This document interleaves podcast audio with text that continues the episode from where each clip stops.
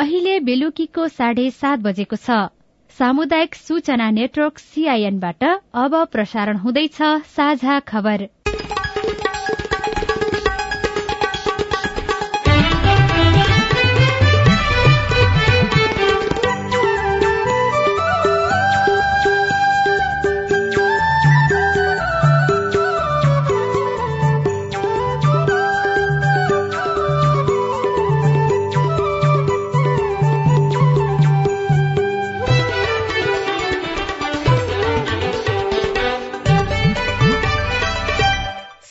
सीआईएनको साझा खबरबाट स्नेहा कर्णको नमस्कार। साझा खबर देशभरिका सामुदायिक रेडियो सीआईएन खबर डट कम सीआईएनको फेसबुक पेज र मोबाइल एप सीआईएनबाट पनि सुन्न सकिन्छ।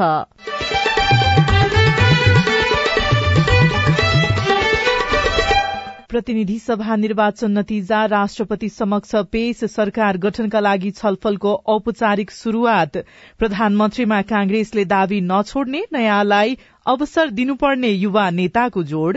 पुरानाहरूबाट होइन कोही पनि नयाँ अनुहारले सरकारको नेतृत्व गर्नुपर्छ भन्ने जनमतले दिएको चाहिँ नि म्यान्डेट हो भन्ने मेरो आफ्नो चाहिँ बुझाइ हो। चुनाव सम्पन्न गरेको खुशियालीमा निर्वाचन आयोगले जलपान समारोह गर्ने अस्वस्थ प्रतिस्पर्धाका कारण निर्वाचन खर्चिलो।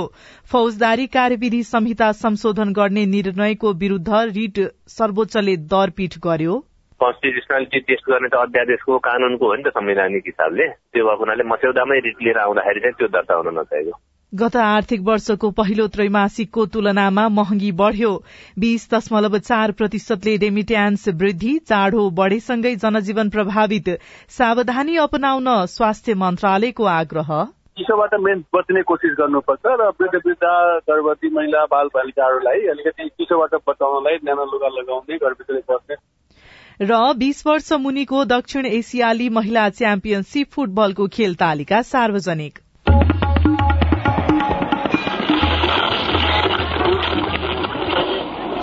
रेडियो। हजारौं रेडियो कर्मी र करोड़ौं नेपालीको माझमा यो हो सामुदायिक सूचना नेटवर्क सीआईएन चिसोबाट बस्न र बचाउनका लागि भन्दै स्थानीय सरकारले चौक चौकमा दाउरा झार्ने अभ्यास गरिरहेका छन्। हिमालदेखि पहाड़ी क्षेत्रमा बालिने आगो उद्योगहरूको जथाभावी सञ्चालनका कारण काठमाण्डु उपत्यका सहित मुख्य शहरमा वायु प्रदूषण बढ़िरहेको छ। प्रदूषणको मात्रा अत्यधिक हुँदा मानिसको आयु चार वर्ष घट्ने अन्तर्राष्ट्रिय अध्ययनहरूले बताइरहँदा प्रदूषण रोक्नेतर्फ सर्वसाधारण सरोकारवाला सबै सजग हुनुपर्छ। अब खबर लील प्रकाश चन्दबाट निर्वाचन आयोगले यही मंगिर चार गते सम्पन्न प्रतिनिधि सभाको निर्वाचनको मत परिणाम सहितको प्रतिवेदन राष्ट्रपति विद्यादेवी भण्डारी समक्ष पेश गरेको छ। राष्ट्रपति भवन शीतल निवासमा आज आयोजित कार्यक्रममा राष्ट्रपति भण्डारी समक्ष प्रमुख निर्वाचन आयुक्त दिनेश कुमार थपलियाले प्रतिवेदन पेश गर्नुभएको हो। प्रतिनिधि सभाको प्रत्यक्ष र समानुपातिक प्रणालीतर्फको निर्वाचन परिणाम सहितको प्रतिवेदन नतिजा घोषणा भएको सात दिनभित्र राष्ट्रपति समक्ष पेश गर्नुपर्ने व्यवस्था अनुसार आज बुझाइएको आयोगका प्रवक्ता शालिग्राम शर्मा पौडेलले बताउनुभयो। निर्वाचन आयोगले निर्वाचन सम्पन्न भएको खुशियालीमा आगामी पुष चार गते जलपान कार्यक्रम गर्ने पनि निर्णय गरेको छ। निर्वाचन प्रतिवेदन बुझाएसँगै राष्ट्रपतिले प्रमाणीकरण गरिसकेपछि राजपत्रमा प्रकाशन हुने र त्यसपछि नयाँ सरकार गठनको औपचारिक प्रक्रिया शुरू हुनेछ। अनौपचारिक छलफलमा भने सत्ता गठबन्धनले सरकार बनाउने कि गठबन्धन दल विभाजित हुने भन्ने बारेमा विभिन्न टीका टिप्पणी भइरहेका छन्। सीआईएनसँग कुराकानी गर्दै राष्ट्रिय सभाका कांग्रेस संसदीय दलका नेता रमेश जंग रायमाझीले पार्टी सभापति देउबा नै नयाँ प्रधानमन्त्री बन्ने दावी गर्नुभयो। गठबन्धनका हिसाबले हामी चुनाव लड्यौं। मग्नी एउटासँग हुने बिहा अर्कोसँग हुँदैन के? अहिले गठबन्धन कायम रहन्छ टुट्दैन। अब कांग्रेस नेता अर्जुन नरसिंह केसीले प्रकाश मान सिंहले एमाले अध्यक्ष केपी शर्मा ओलीसँग त भेट भइराखेका कुराहरू धेरै आइ नै सकेका छन्। एमाले अध्यक्ष ओलीले स्वयं प्रचण्डलाई टेलिफोन नै गर्नुभयो। एमाले नेताहरूले पनि प्रचण्ड भेटिराखेका छन्। फेरि प्रचण्डका तर्फबाट महासचिव देव गुरूङ नै ओलीलाई भेट्न जानुभयो। यी गतिविधिहरू चाहिँ के हुन् त? होइन राजनीतिमा यी कुराहरू भेटघाट हाम्रो एकअर्कामा भइरहेछ मैले नै प्रचण्डलाई भेटेर आएँ अस्ति भेटेँ। कति कुराहरू नेताहरूले भेट भनेर पनि भेटिन्छ कति कुराहरू हामी आफै के छ त गतिविधि के हुँदैछ कसरी अगाडि बढ्ने भन्ने सरसल्लाह पनि हुन्छ। गठबन्धन भित्रै पनि एकले अर्कालाई गलाएर अनि नेतृत्व चाहिँ नछोड्ने जस्तो देखिन्छ। त्यो रणनीति हो कि होइन काङ्ग्रेसको? काङ्ग्रेस प्रष्ट छ र आफ्नो पार्टीभित्र ठूलो विरोध हुँदा हुँदै पनि कम्युनिस्टहरू फुटेको बेला हामी एक्लै चुनाव लड्नुपर्छ भनिरहेको बेलामा पनि त्यो गठबन्धनलाई कायम गराउने काम पार्टी सभापतिले गर्नुभयो। गरेको कारणले पनि यो गठबन्धन भित्र रहेको दरार कुनै पनि छ अझै हामी गठबन्धनभित्र पनि थप्दैछौँ। सभापति देवभा प्रचण्डलाई प्रधानमन्त्रीका रूपमा स्वीकार्न तयार हुनुभएको हो त्यसो भए? संख्याको हिसाबले हेर्नु न। संख्या कति छ हामीसँग? अनि अबको प्रधानमन्त्री चाहिँ काङ्ग्रेसकै सभापति देउवा हो कि? प्रचण्डलाई समर्थन गरेरै भए पनि काङ्ग्रेस अघि बढ्छ। प्रचण्डसँग हाम्रो कुरा भइरहेको छ। पहिले शेरबहादुर नै हुनुहुन्छ। तर प्रचण्डले त फेरि कास्कीमा गएर अब म नै नेतृत्वमा पुग्छु भन्नुभएको छ। के कुरै नचली त्यो अभिव्यक्ति त आएन होला। होइन नेताहरूले कहिले काहीँ बजार मार्केट बुझ्नुलाई पनि यस्ता अभिव्यक्तिहरू आउँछन्। हिजो जसले आफूलाई पार्टीबाट निकाल्ने काम एकअर्कालाई निकाल्ने काम त भयो नि। अहिले प्रचण्ड चाहिँ गएर एमालेसँग मिल्ने भनेको फेरि भएको पार्टी चाहिँ उतै बुझाउने हो। राजनीतिमा नि स्थायी शत्रु र मित्र दुवै हुँदैन भन्छन्। एमाले माओवादी लगायत दलहरू मिलेर यदि सरकार बनाउने अवस्था आयो भने काङ्ग्रेस प्रतिपक्षमा बस्न तयार छ? होइन हामीले त कल पनि गर्दैनौ। हाम्रो गठबन्धन छ हाम्रो गठबन्धनको बहुमत पुग्छ हामी सरकार बनाउँछौँ। प्रचण्डलाई प्रधानमन्त्री दिएर भयो नि गठबन्धन चाहिँ जोगाउने। शेरबहादुर देवाललाई प्रधानमन्त्री दिएर गठबन्धन जोगाउने। सरकार र नेतृत्वको बारेमा नेपाली कांग्रेस नेकपा एमाले माओवादी केन्द्रका नेताहरू बहुपक्षीय तथा द्विपक्षीय छलफलमा जुटिरहँदा युवा नेताहरूले भने नयाँ व्यक्ति प्रधानमन्त्री बन्नुपर्ने बताइरहेका छन्। सीआईएनसँग कुराकानी गर्दै एमाले नेता बिन्दा पाण्डे। जनमतले पहिलो बनाएको पार्टीले सरकार गठन गर्ने कि संख्यामा पहिलो भएको पार्टीले सरकार गठन गर्ने भन्ने चाहिँ अब बाहिर हल्ला चाहिँ अब दुइटै छ। पार्टीभित्र पनि अब त्यसरी अहिलेसम्म छलफल भएको थाहा छैन। तर मलाई पर्सनल्ली भन्नुहुन्छ भनेदेखि जुनसुकै पार्टीले सरकारको नेतृत्व गरे नि पुरानाहरूबाट होइन कोही पनि नयाँ अनुहारले सरकारको नेतृत्व गर्नुपर्छ भन्ने जनमतले दिएको चाहिँ नि म्यान्डेट हो भन्ने मेरो आफ्नो चाहिँ बुझाइ हो। त्यसले गर्दाखेरि पुरानो प्रधानमन्त्री भएका व्यक्तिहरू फेरि दोहोरिने कुरोको अहिलेको जनमतको म्यान्डेट होइन भन्ने कुरा चाहिँ बुझ्दाखेरि राम्रो हुन्छ भन्ने लाग्छ। यसपटकको संघीय संसदमा दलित समुदायको प्रतिनिधित्व कम देखिने भएको छ। प्रतिनिधि सभा निर्वाचन दुई हजार चौहत्तरबाट संसदमा दलित समुदायको प्रतिनिधित्व छ प्रतिशत रहेकोमा यसपटक भने पाँच दशमलव आठ एक प्रतिशत प्रतिनिधित्व रहने निर्वाचन आयोगले बताएको छ। दुई हजार चौहत्तरको निर्वाचनमा प्रतिनिधि सभामा दलित समुदायबाट प्रत्यक्षतर्फ तीनजना निर्वाचित थिए। तर यसपटकको निर्वाचनमा प्रत्यक्षतर्फ एमालेबाट छविलाल विश्वकर्मा मात्रै निर्वाचित हुनुभएको छ। समानुपातिकतर्फ भने पन्ध्रजना निर्वाचित भएका छन्। नेपाली कांग्रेस र नेकपा एमालेबाट पाँच पाँच जना निर्वाचित भएका छन् भने नेकपा माओवादी केन्द्र र राष्ट्रिय स्वतन्त्र पार्टीबाट दुई दुईजना निर्वाचित भएका छन्। राष्ट्रिय प्रजातन्त्र पार्टीबाट एकजना गरी पन्ध्रजना समानुपातिकमा निर्वाचित भएसँगै प्रतिनिधि सभामा दलित समुदायबाट जम्मा सोह्रजना सांसद हुने देखिएको छ। फौजदारी कार्यविधि संहिता संशोधन गर्न सरकारले ल्याएको अध्यादेश प्रमाणीकरण नगर्न माग गर्दै पेश भएको रिट सर्वोच्च अदालतले दरपीठ गरिदिएको छ।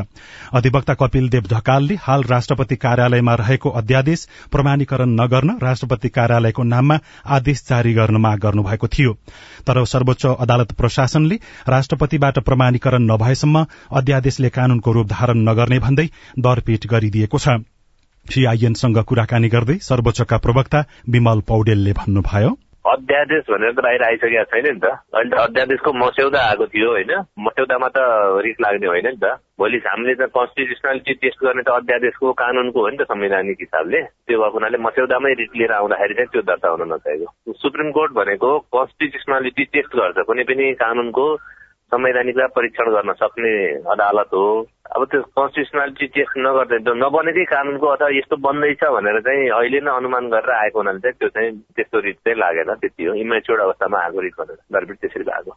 सरकारले राजनीतिक आन्दोलनमा रहेका र शान्तिपूर्ण राजनीतिमा आउन सरकारसँग सम्झौता गरेका समूहको मुद्दा जुनसुकै अदालतमा रहे पनि फिर्ता लिन सक्ने गरी अध्यादेश मार्फत मुलुकी फौजदारी कार्यविधि संहिता संशोधन गर्न अध्यादेश ल्याउने निर्णय गरेको छ तर यो अध्यादेश राष्ट्रपतिबाट प्रमाणीकरण भइसकेको छैन।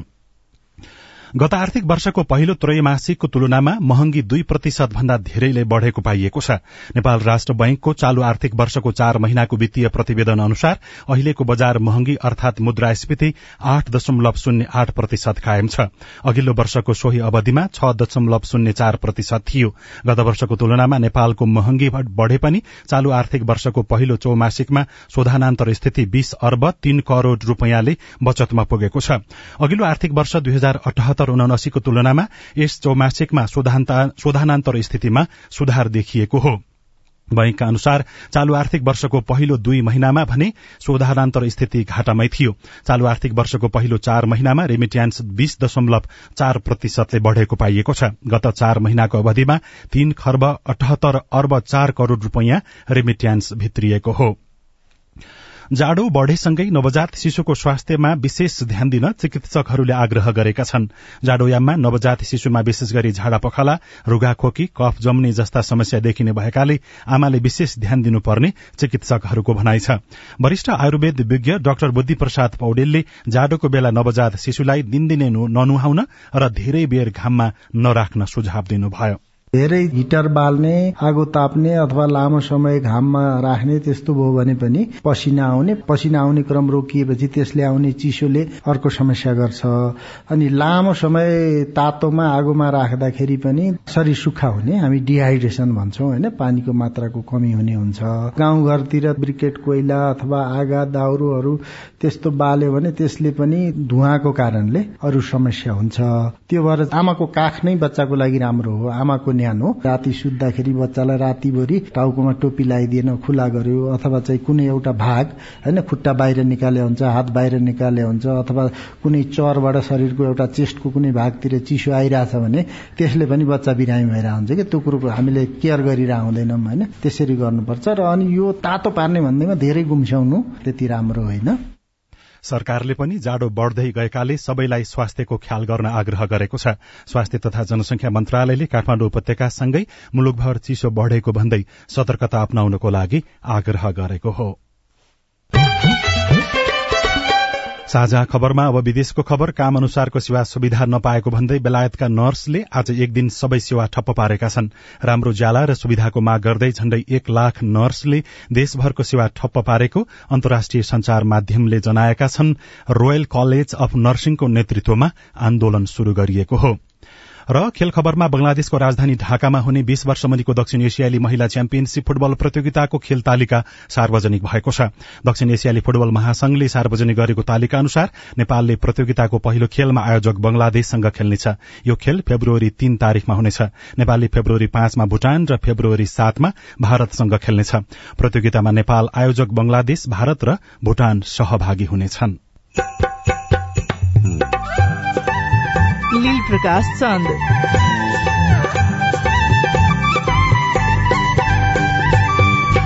स्वास्थ्य जाँचका लागि टिकट प्रणाली प्रभावकारी। धेरै सजिलो भएको अनि पहिला नामले बोलाउनुहुन्छ बोल्दाखेरि नै फटाफट भयो भीड़भाड़ नियन्त्रणमा पनि सजिलो रिपोर्ट संवाद श्रृंखला हेलो सांसद लगायतका विशेष सामग्री बाँकी नै छन्। सीआईएनको साझा खबर सुन्दै गर्नुहोला।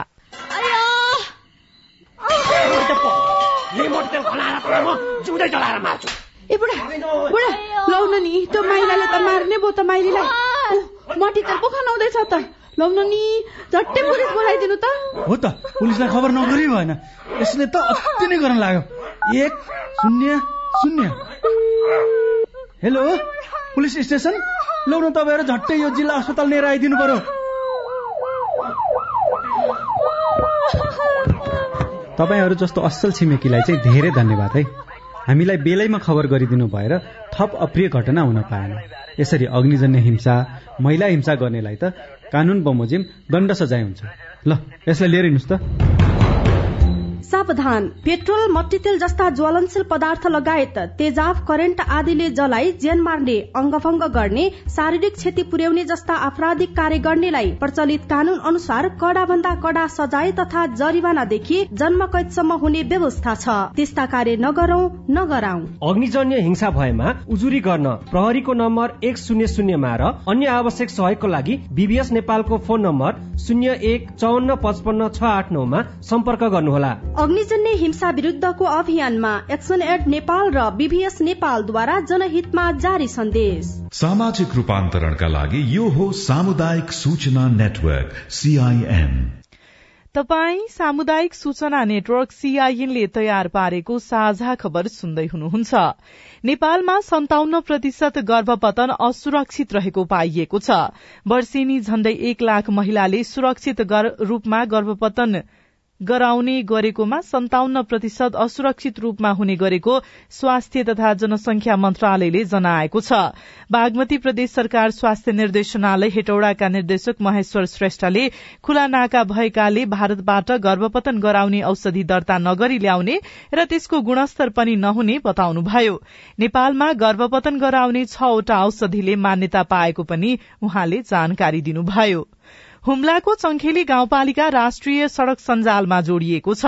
मुगुको सदरमुकाम गमगढ़ीबाट हुम्लाको चंखेली गाउँपालिका जोड्ने सड़क निर्माण भएसँगै राष्ट्रिय सड़क सञ्जालमा चंखेली गाउँपालिका जोडिएको हो। गमगढ़ीदेखि चंखेली गाउँपालिकाको देउलीसम्म सडसठी किलोमिटर सड़क निर्माण भएर सञ्चालनमा आएपछि अब सवारी साधन चल्ने भएको छ।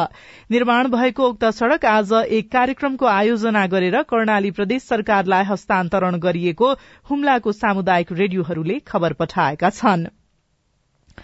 सरकारी अस्पतालबाट सेवा लिनका लागि नागरिकको प्राय धेरै भीड़ हुन्छ तर व्यवस्थापनका लागि पहल नगरेको भन्दै बिरामीको आलोचना धेरै सुनिन्छ। जिल्ला अस्पताल डोटीले भने अस्पतालबाट दिने सेवालाई सुधार गर्दै लगेको छ। जिल्ला अस्पतालमा टोकन प्रणालीको शुरूआत भएपछि सेवाग्राहीलाई सहज भएको छ। टिकट काउन्टरमा नाम दर्ता गरिसकेपछि सेवाग्राहीले ओपीडीमा डाक्टर भेट्न मेसिनबाट टोकन लिनुपर्छ। यसो गर्दा भीड़भाड़ कम हुने तथा व्यवस्थित तवरले जाँच गर्न पाइएको बिरामीहरू बताउँछन्। टोकन सिस्टमबाट अगाडि पछाडि हुँदैन। त्यो सिस्टम राम्रो छ।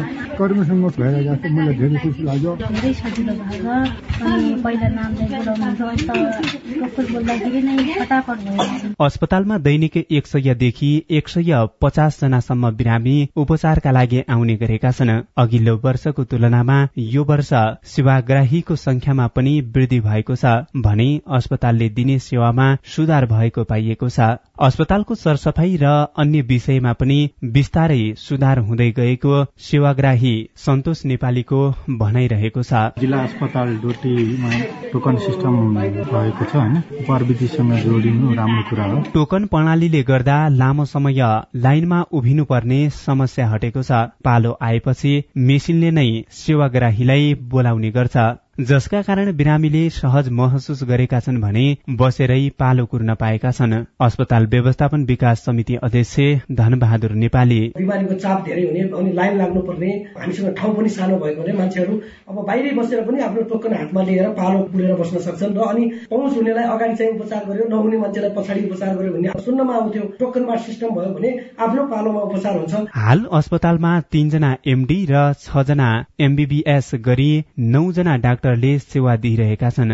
यस्तै अस्पतालमा आठ नर्स तथा स्वास्थ्य कर्मी रहेका छन् भने जम्मा एकसठी जना कर्मचारी छन्। हाल अस्पतालमा प्रदेश सरकारको लगानीमा दुईवटा नयाँ भवन पनि निर्माण भइरहेका छन्। Kiran Dhami CIN Triveni FM Doti. साझा खबरमा अब हेलो सीआईएन सजना तिमल सिन्हाबाट। मेरो नाम धनबहादुर विष्ट भोटे मेरो घर बजाङ जिल्ला साइपाल गाउँपालिका वार्ड नम्बर चार धुली हो। हो भने म धुली माविको सहायक प्रयोग पनि हुँ। यसपटक मेरो विद्यालय धुली मावि धुलीमा पनि पचपन्न लाखको चार कोठे भवन निर्माणको योजना प्राप्त भइसकेको काम सञ्चालनको निमित्त गाउँपालिकामा अख्तियारी आइ आइसकेको भन्ने सुन्नमा आएको छ। यो बजेट नियमित बजेट हो भने पनि मेरो विद्यालय क्षेत्रभित्रका केही अघिसर व्यक्तिहरूले कमिसन बजेट भएकाले मैले यो योजनाको कमिसन बुझाइसकेर मात्र यो योजना पर्न सफल भएको हो।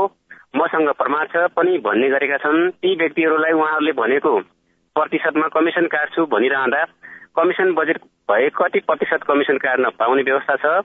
होइन भने किन ती व्यक्तिहरूले मैले कमिसन दिएर आएको बजेट योजनामा यो निर्माण समितिमा अध्यक्ष म बन्छु र मलाई बनाउनु पर्छ भनी भनिरहन्छन् के यसमा विवेशको कुनै सरकार छैन त? तपाईँको प्रश्न सुनेपछि शिक्षा मन्त्रालयका प्रवक्ता दीपक शर्मा भन्नुहुन्छ। तपाईँहरूले स्कुलले पाएको त्यो कार्यक्रम भनेको स्कुलले पेश गरेको प्रस्तावको आधारमा पाएको। त्यसमा कुनै कारणहरू छैन र त्यस बापत कसैलाई रकम दिनुपर्ने कमिसन दिनुपर्ने कुनै मान्छे नै अध्यक्ष हुनुपर्ने भन्ने व्यवस्था चाहिँ छैन हुँदैन त्यस्तो। कोही व्यक्ति त्यसरी मलाई दिनु पर्यो रकम कमिसन भनेर आउँछ भनेदेखि त्यस्ता व्यक्तिलाई उहाँले के गर्न सक्नुहुन्छ? होइन त्यो त उजुरी गर्ने। उजुरी गर्ने जिल्ला प्रशासन छ स्थानीय प्रशासन छ प्रहरी छ त्यसमा उजुरी गर्ने गुनासो सुन्ने ठाउँ छ त्यसको त्यो भ्रष्टाचार हुन्छ भ्रष्टाचारमा कारवाही गर्ने निकायहरू छन् ती निकायहरूमा उजुरी गर्ने। नमस्ते मेरो नाम जनक साई म नेपालगञ्जबाट मेरो प्रश्न चाहिँ त्रिभुवन विश्वविद्यालयलाई जुन यो दुई हजार सतहत्तर ब्याचको परीक्षा जुन अहिले फर्स्ट इयरको रिजल्ट आयो यसको ब्यागको परीक्षा कहिले हुन्छ यो? नयाँ आउने फर्स्ट इयरसँग हुन्छ कि पछि हुन्छ? जानकारी दिँदै हुनुहुन्छ त्रिभुवन विश्वविद्यालय अन्तर्गत परीक्षा नियन्त्रण कार्यालय बल्खुका सह परीक्षा नियन्त्रक डाक्टर घनश्याम ठाकुर। हामीले आंशिक विद्यार्थीको लागि दुई हजार अठहत्तरमा सतहत्तरको परीक्षा जो रेगुलरमा थिए या त्योभन्दा अगाडिको आंशिक परीक्षार्थी सबैलाई समेटेर हामीले चाहिँ फर्म खोलिसकेका छौँ अस्ति एक्काइस गतेबाट। पौषको बिस गतेसम्म त्यसको पहिलो दस्तुरको समय छ त्यसको सात दिन फेरि दोहोरो दस्तुरको समय छ। फर्म भर्नुहोस् हामीले निश्चित समय पछाडि त्यसको परीक्षा तालिका निकाल्छौँ कार्यक्रम। तपाई जुनसुकै बेला हाम्रो टेलिफोन नम्बर शून्य एक बान्न साठी छ चार छमा फोन गरेर आफ्नो प्रश्न जिज्ञासा गुनासा अनि समस्या रेकर्ड गर्न सक्नुहुनेछ। तपाई सामुदायिक सूचना नेटवर्क सीआईएनले काठमाण्डुमा तयार पारेको साझा खबर सुनिरहनु भएको छ।